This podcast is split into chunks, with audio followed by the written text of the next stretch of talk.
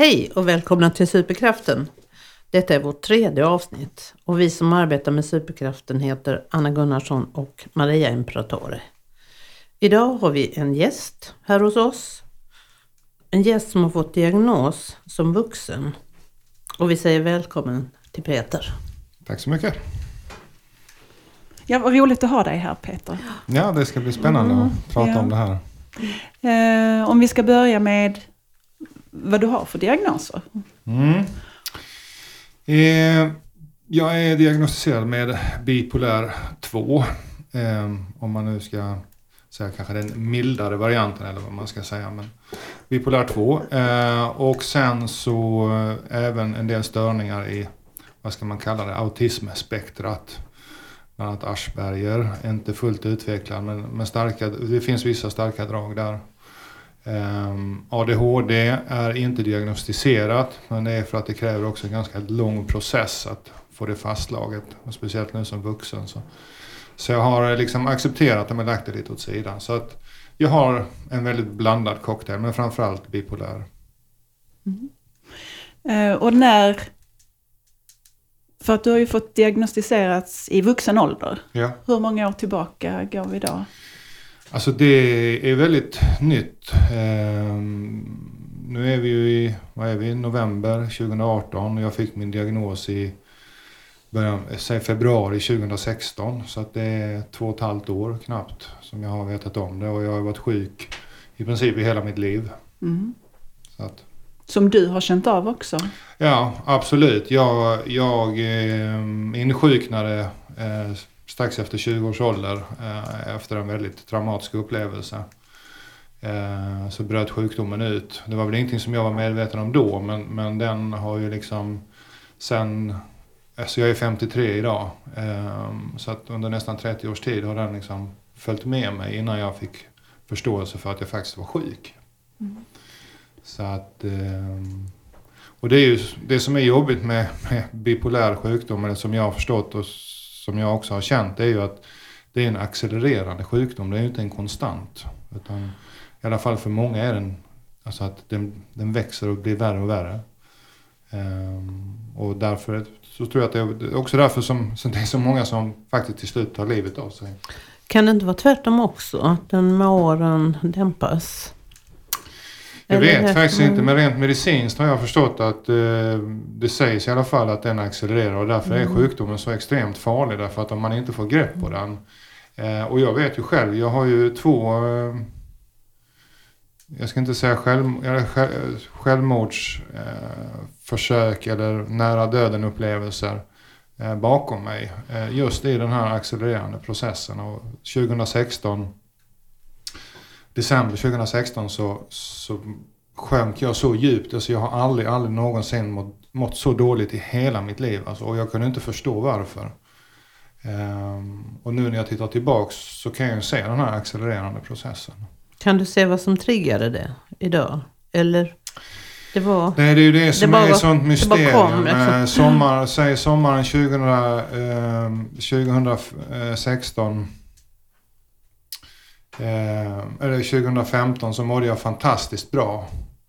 Eh, och sen bara ja, vände det och gick käpprätt åt helvete med allting. Så att, så att eh, nej, det är, en, det, är en, det, är farlig. Det är farligt att inte få, få grepp. Mm.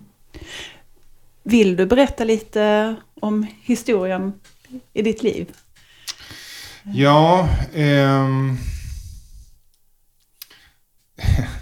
det är ju inte ett, ett vanligt liv. Eh, till så mått att jag eh, kommer från ganska tuffa förhållanden. Eh, jag har förstått nu som vuxen att min mamma var eh, väldigt allvarligt psykiskt sjuk. Hon, eh, hon var definitivt bipolär 1.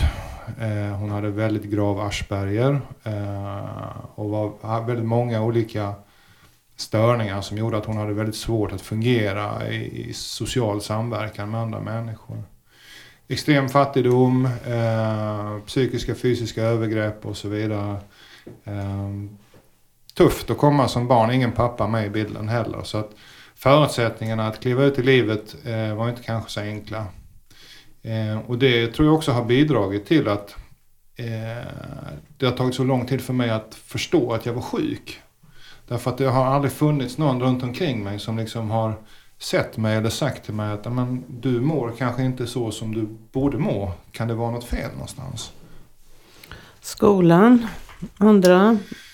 Ja, Ja, man ser kamrater, kamraters föräldrar. men jag hade inga sådana. Vi flyttade 14 gånger på de första nio åren i Oj, oj, skolan. oj, oj. Så Ja. att då är det liksom svårt och man har liksom inga rötter någonstans. Man har inga, ingen som ser en helt enkelt. Varken skola eller grannar eller någonting. En slags totalt utanförskap. Ja, eftersom verkligen. du inte kunde knyta an till någon under Nej. denna Ja. tiden som du växte upp. Så det är klart att när man kommer från de, de förutsättningarna och sen så blir jag då sjuk så att säga vid strax efter 20 års ålder och, och, och lever med den här sjukdomen. Och den, den har inte bara varit till ondo utan den har också varit till väldigt mycket godo. Eh, därför att i de starka perioderna så är du ju oslagbar. Eh, jag har byggt många karriärer och, och gjort väldigt många framgångsrika saker med den kraften. Samtidigt som, som eh, när man mår så jäkla dåligt att man inte ens vill gå ur sängen så är det väldigt svårt. För att man har byggt upp någonting och man är någonting och man har ett anseende och folk ser bara den vackra ytan men de ser inte det där mörka och det gör att mörkret också ibland blir ännu tyngre. Mm. Så att eh, det är en vinglig resa. Mm. Men du frågade lite grann också om, om, om det här med bakgrunden till, Mm. eh, till min sjukdom. Alltså att, för att, som sagt, jag levde ju sjuk. Jag var sjuk i 30 år. Eh, och det var inte så att jag en dag vaknade upp och tänkte att jag måste vara sjuk. Utan 2014, 2015, där någonstans så började jag umgås rätt så mycket med min bror, min yngre bror. Och sa till honom vid flera tillfällen att där är någonting som inte är rätt med mig. Alltså där är, där är någonting som liksom stökar i mitt huvud. Ehm, och jag hade då några år tidigare börjat gå i terapi. Eh, och den här terapin har ju varit fantastisk. Den har hjälpt mig att liksom gå till botten med mycket av det traumat som det här utanförskapet och hela den biten som jag har växt upp med. Men det, liksom, det nådde inte hela vägen fram. Men det gick, det gick inte att sätta fingrarna på vad det var för någonting. Förrän då den här djupa kraschen kommer då 2016, 21 december. Uh, och Uh, när jag kommer till terapeuten och berättar om det här och då tittar hon på mig och säger också ja det måste vara någonting annat. Alltså, vi, det måste finnas någonting annat. Du måste faktiskt gå vidare till, till, till läkarvetenskapen eller till, till psykiatrin. Så att den resan är ju väldigt... Alltså så här i efterhand så kan jag tänka så här, vad fasiken. Tänk om, jag, om någon hade sagt det här till mig för 10 år sedan, 15 år sedan. Att, eller hade, någon hade sett mig i allt det här. Men man blir också väldigt skicklig på att dölja det. Mm. Mm. Alla uppfattar en som Mm. Superman. Alltså, Mm. jäklar vad du är hå- hård och duktig och du levererar och du presterar och du gör det och det och det och det och det. Ja, därför att man har sån enorm kraft när man är liksom uppe i, i manin. Mm. Hur har din mani sett ut? Är det någonting du vill prata om? Eh, alltså jag vet ju att en del människor har ju liksom så här en väldigt tydlig mani. Eh, alltså man, man gör en sak eller vad det nu kan vara. För mig är den väldigt... Det är mer en känsla Mm. som resulterar i eh, beslut som inte är förankrade i liksom, normalt. Eh, och det kan vara sprit, det kan vara sex, det kan vara droger, det kan vara pengar, det kan vara liksom... Allt som gör att man känner att man lever. Allt som, som ger en kickar, Mm. som ger en adrenalin. Eh, så att det är inget, det finns ingen sån här enskild mani liksom. Hur var dina skor? Var de långa eller det var, kunde gå upp och ner väldigt? Eh, de, de, de, de maniska perioderna är väldigt starka. De är väldigt, väldigt tydliga. Ja. Eh, och de kan sitta i par veckor, kanske upp till någon månad, två månader, tre månader. Liksom. Mm.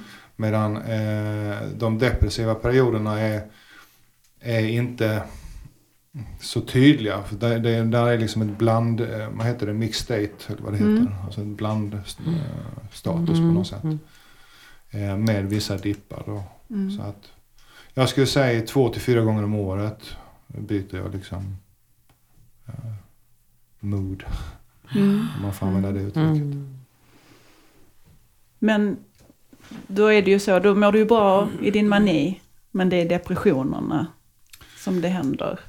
Ja, och det som, det som är med depressionerna just det här att de eh, accelererar så att de har ju blivit värre. Nu har jag ju fått hjälp med medicinering. Mm. Eh, men, men just att innan jag fick det att de riktigt djupa skoven blev ju bara värre och värre för varje gång.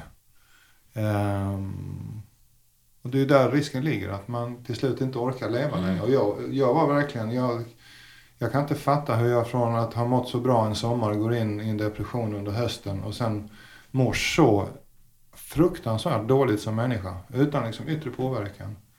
Mår så dåligt att jag inte vill leva längre. Alltså orkar inte leva. Och det är liksom inga stora saker som har förändrats i mitt liv mer än det som sker i mitt, mitt huvud.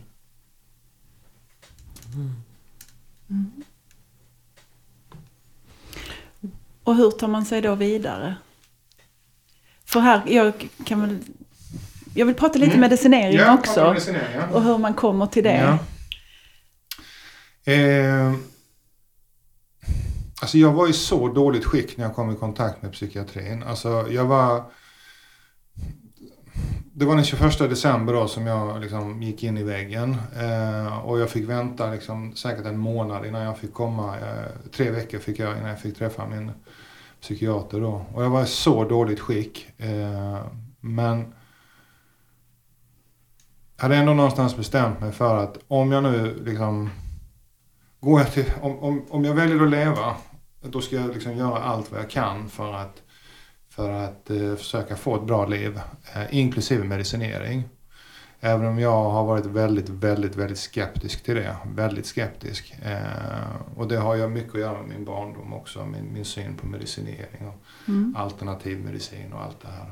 Det tror jag också är en generationsfråga. Jag tror att vi i vissa generationer där har varit väldigt skeptiska. Ja, Man tog knappt en Alvedon nej precis. på början på 80-talet. Ja. För eh, vi var ju så här Ja, alltså. ja. Och man skulle klara allting själv. Ja, Det var ju ett svaghetstecken. ja. Och många tror jag bär med sig det. Länge, vilket Ja. det inte är idag Nej. för de yngre. Nej. Mm.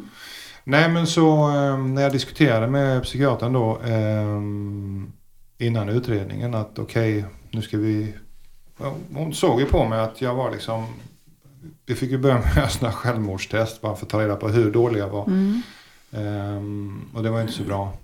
Eh, men just det här att okej, om vi nu gör en utredning här och vi kommer fram till vissa saker eh, och, och så får vi, vi ska inte hoppa, bestämma i förväg, men är du i så fall beredd att liksom prova medicinering? Eh, och då sa jag direkt att ja, det tänker jag göra. Så då gjorde vi den här utredningen eh, och fick då lite svar, framförallt det tydliga svaret då på, på det här med bipolär. Eh, som, vi, som hon då sa direkt att men det här borde vi kunna medicinera. Ehm, och då tänkte jag, ja! Äntligen! Efter liksom 30 års jävla helvete och, och nära ett självmordsförsök och elände och lidande, bara, inte bara för mig utan för folk runt omkring mig också, nära och kära. Men det var inte riktigt så enkelt med medicinering. Det var inte bara att jaha, nu hade hon gjort en diagnos och här är liksom standard 1A, varsågod knapra och så är du frisk Mm. för resten av ditt liv. Utan då började ju en helt annan resa som jag inte var riktigt beredd på tror jag. Vad var det för resa? Alltså utprovningen av mediciner för att det handlar ju ändå om att man ska käka grejer som ska liksom fucka upp ens, ens huvud på något sätt. Försöka ställa till saker och ting.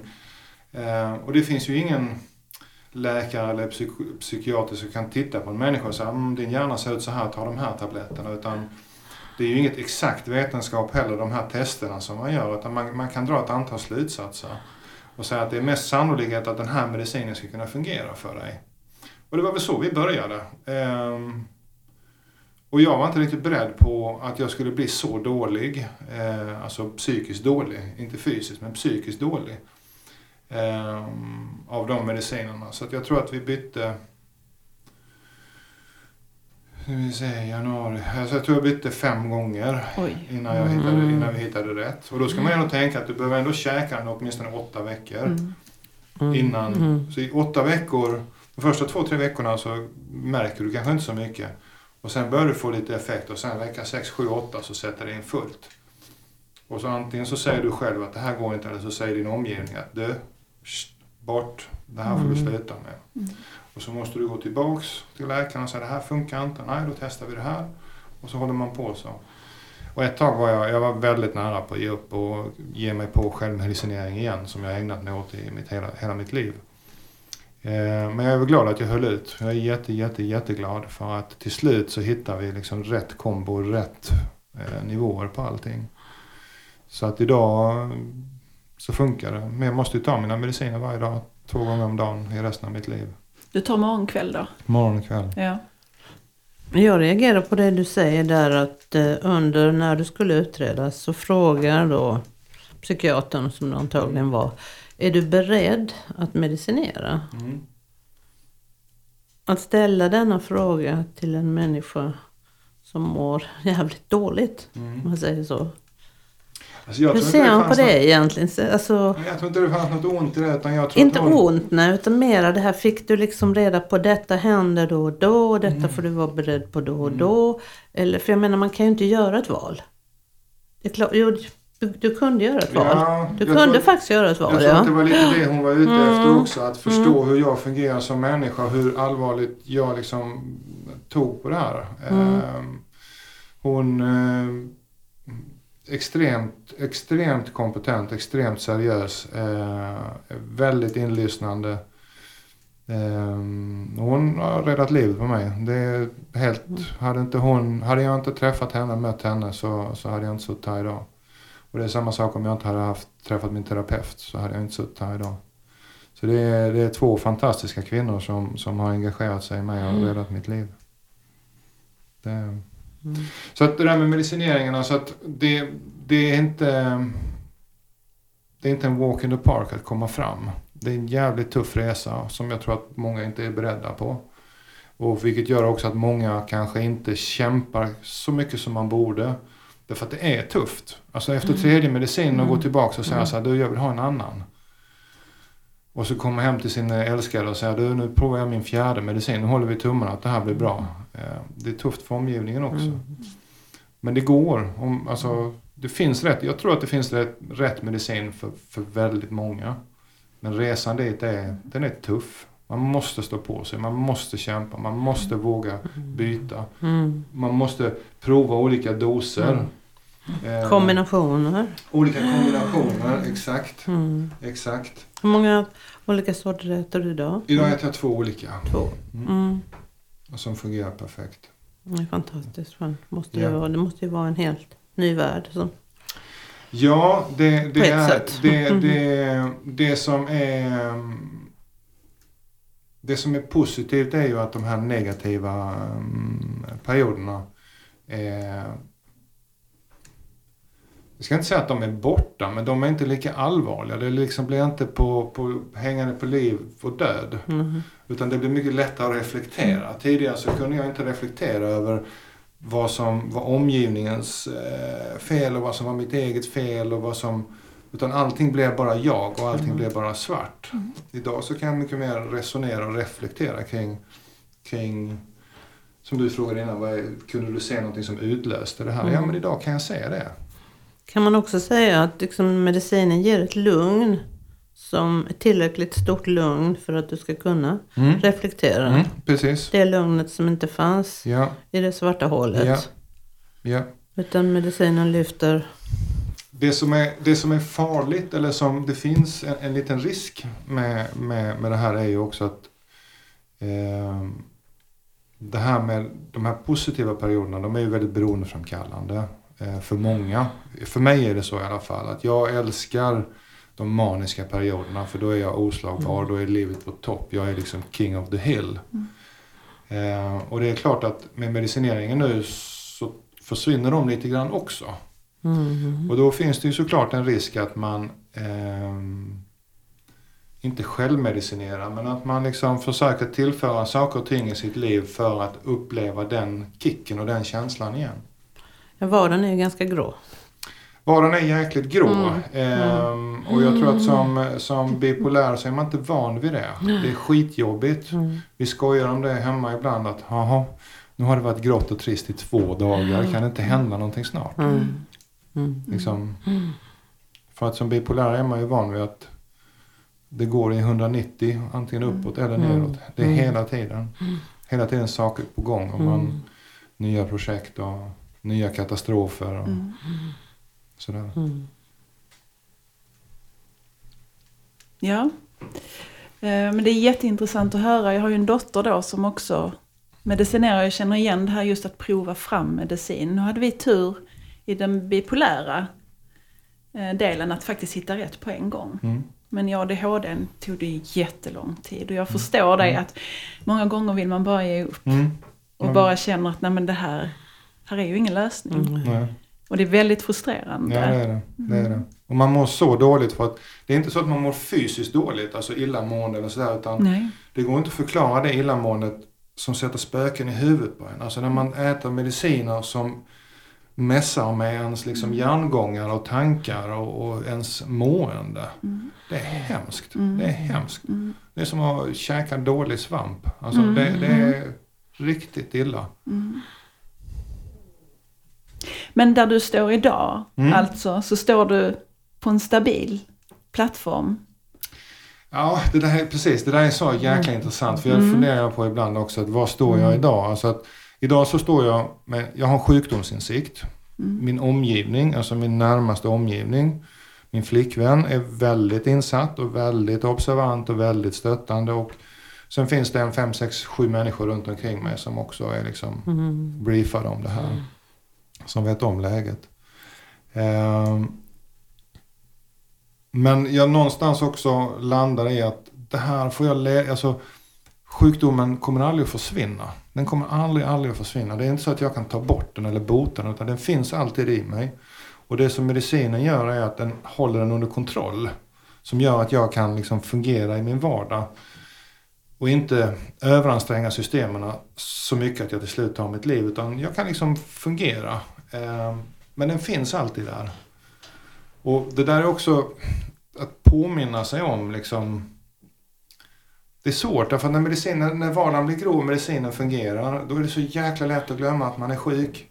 Mm. Och man vill ha den här kicken, man vill ha den här spänningen. Man, man eh, ja, jag vet inte. Så att någonstans sakta försöker jag liksom få det att sjunka in att men jag är sjuk för resten av mitt liv. Och jag måste ha respekt för det. Ehm, så att det med medicinen är den är livsviktig. Mm. Jag blir förbannad varje gång jag glömmer att ta den på kvällen. Eh, Det händer en gång i veckan att jag glömmer att ta den på kvällen och så bara nästa morgon så fan. Ja. Känner du av det på en gång då? Eller hur? eh, Nej, nej. det gör jag inte. Ja, det Nej. beror på vilken av medicinerna men det, jag, jag tar ju, den på kvällen är bara en komplettering av Ja. den ena medicinen. Så nej, det Mm. märker jag inte. Nej. Det märker jag inte. Nej. Däremot om jag skulle vara av det i några dagar så skulle jag ju märka det. Det tror jag. Mm. Och risken är ju då inte att man får en manisk period utan det är att man får en Ja. ner i källaren, Mm. källarperiod. Mm. Känner du av vad som triggar igång dig? Har du gjort någon Nej. sån... Nej, jag gör inte det. Nej. Jag funderat jätte, och det är också en sån här fråga som har varit jättemycket i, i diskussioner med, med psykiatern nu under utredningen och under medicinering, utprovning och så vidare. Kan du känna till exempel när det åker uppåt? Vad är, men det finns ingen, alltså det, det, utan det är precis som att det är något kemiskt i skallen som, Mm.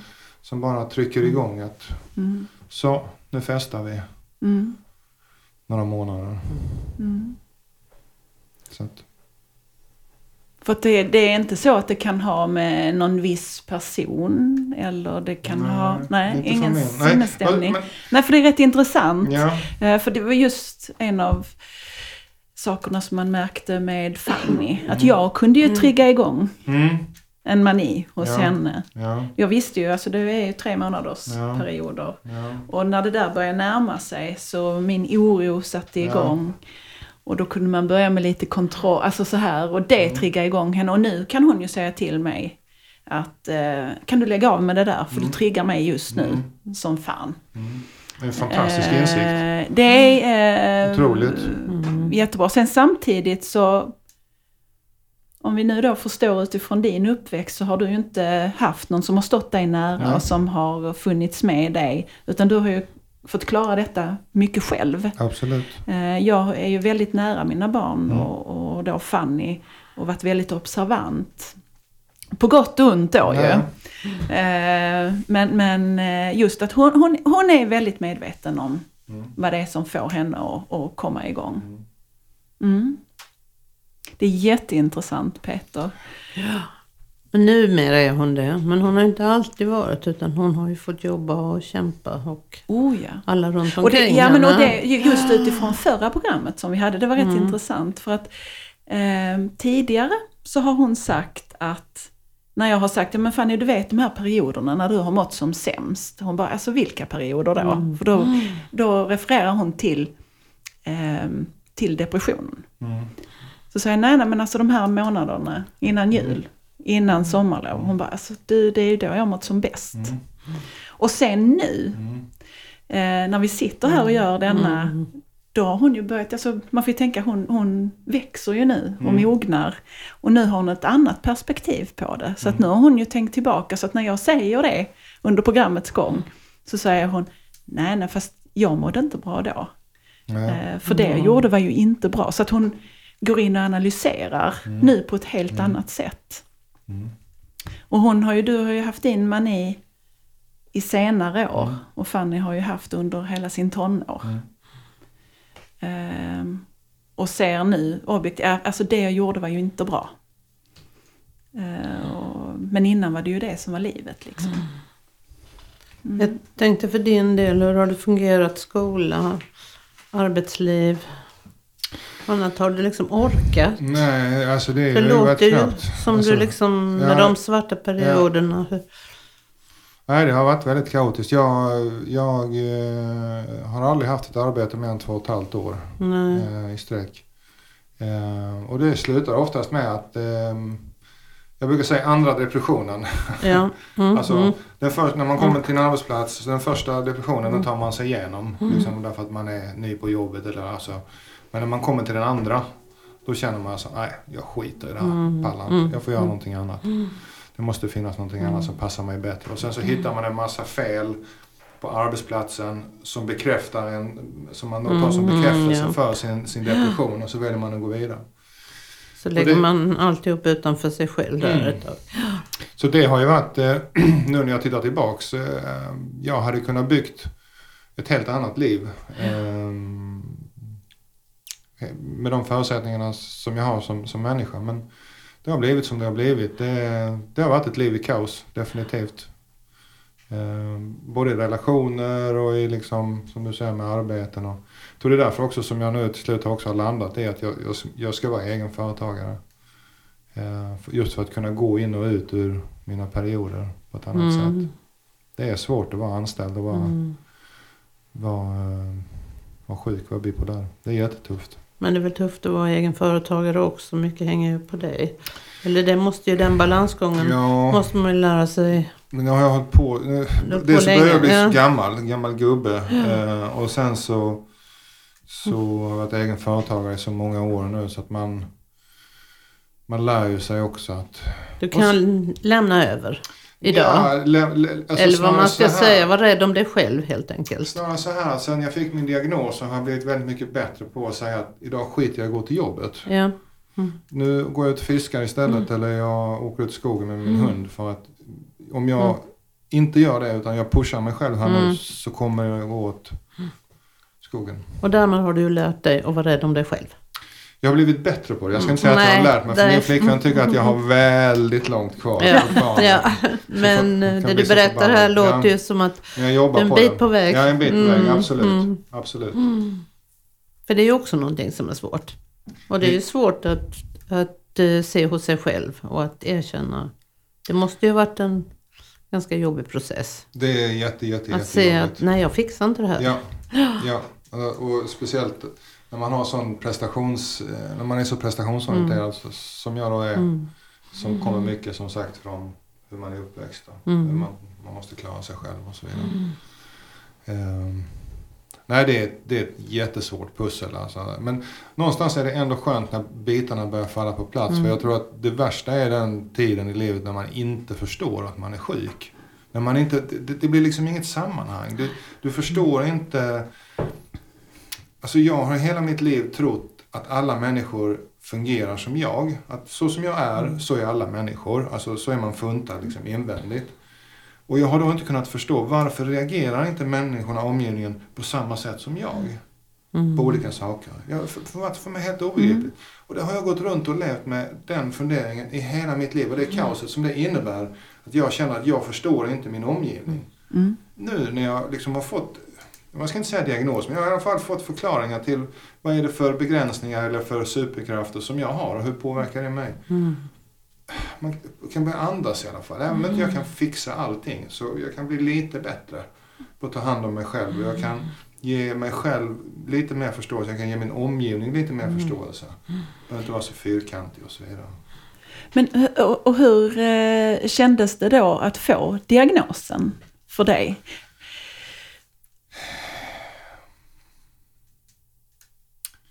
Ja. För många är det ju liksom en katastrof. Mm. För många liksom, oh, de faller liksom ihop och hela livet är förstört. För mig var det bara en befrielse. Mm. Efter 30 års och efter att ha mått så, alltså, mått så dåligt månaderna innan där och med självmordsförsök och... Nej, det var bara en befrielse. Och, och det gjorde också att helt plötsligt så när jag kunde gå hem så kunde jag börja läsa på, börja googla, kolla för att, och bara känna att allting utan att vara um, hypokondriker, Mm. utan, men liksom se att allting faller och kunna börja titta tillbaks och förstå min egen mamma också helt plötsligt. För mycket, eller mycket, men många av de här sakerna är ju också till viss del ärftliga eller Mm. genetiska. Ärftliga. Och börja förstå, saker och ting börjar falla på plats. Så för mig har det varit bara positivt, bara liksom eh, en befrielse. Mm. Har det varit en, någon slags försoningsresa också?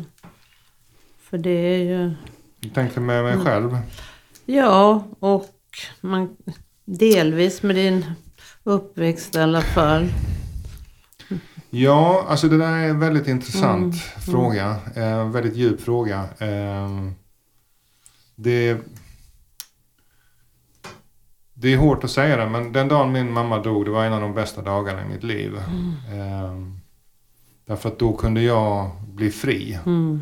och leva mitt eget liv.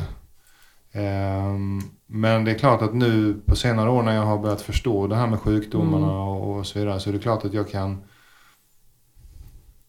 jag kan förstå det men jag kan in- ändå inte acceptera det för att jag menar jag själv har varit sjuk och jag har två barn och jag har liksom vänt ut och in på mig själv för att, för att eh, ta hand om dem eh, och inte att de ska lida någonting av detta. Ja, också för att klara ditt eget liv. Och klara ja. mitt eget liv. Mm. Eh, så att det där är, jag ska Ja. inte säga försoning, men, men kanske lite viss eh, grad av mer förståelse på något sätt i Mm. alla fall. Så att försoning tror jag, det blir väl om vi ses där uppe eller där nere Mm. sen. Det kanske inte alltid är eftersträvbart heller. För mig men är ett hon, lugn. Det är ett avslutat kapitel. Ja. Hon, hon kan man känna ett lugn ändå i, Alltså, på något sätt?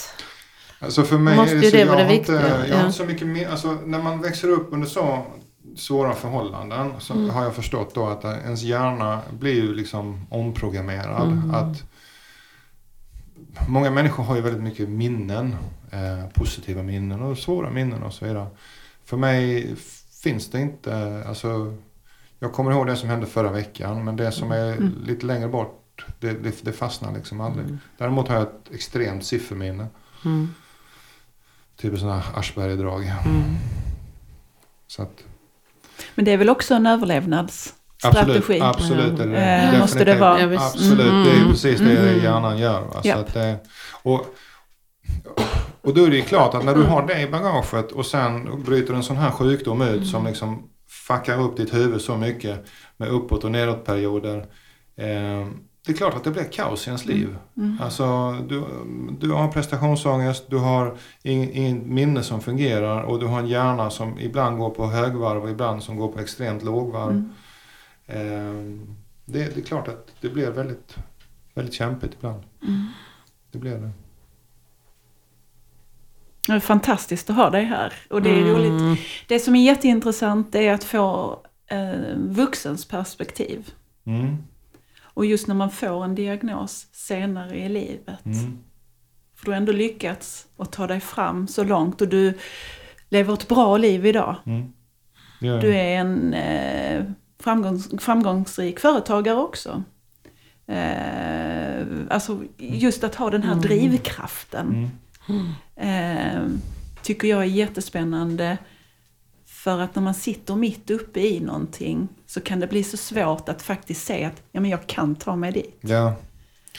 Alltså det som, jag, det som har kommit till mig insikt under de här åren nu, sen diagnosen, är ju just det här att diagnosen är bara starten. Mm.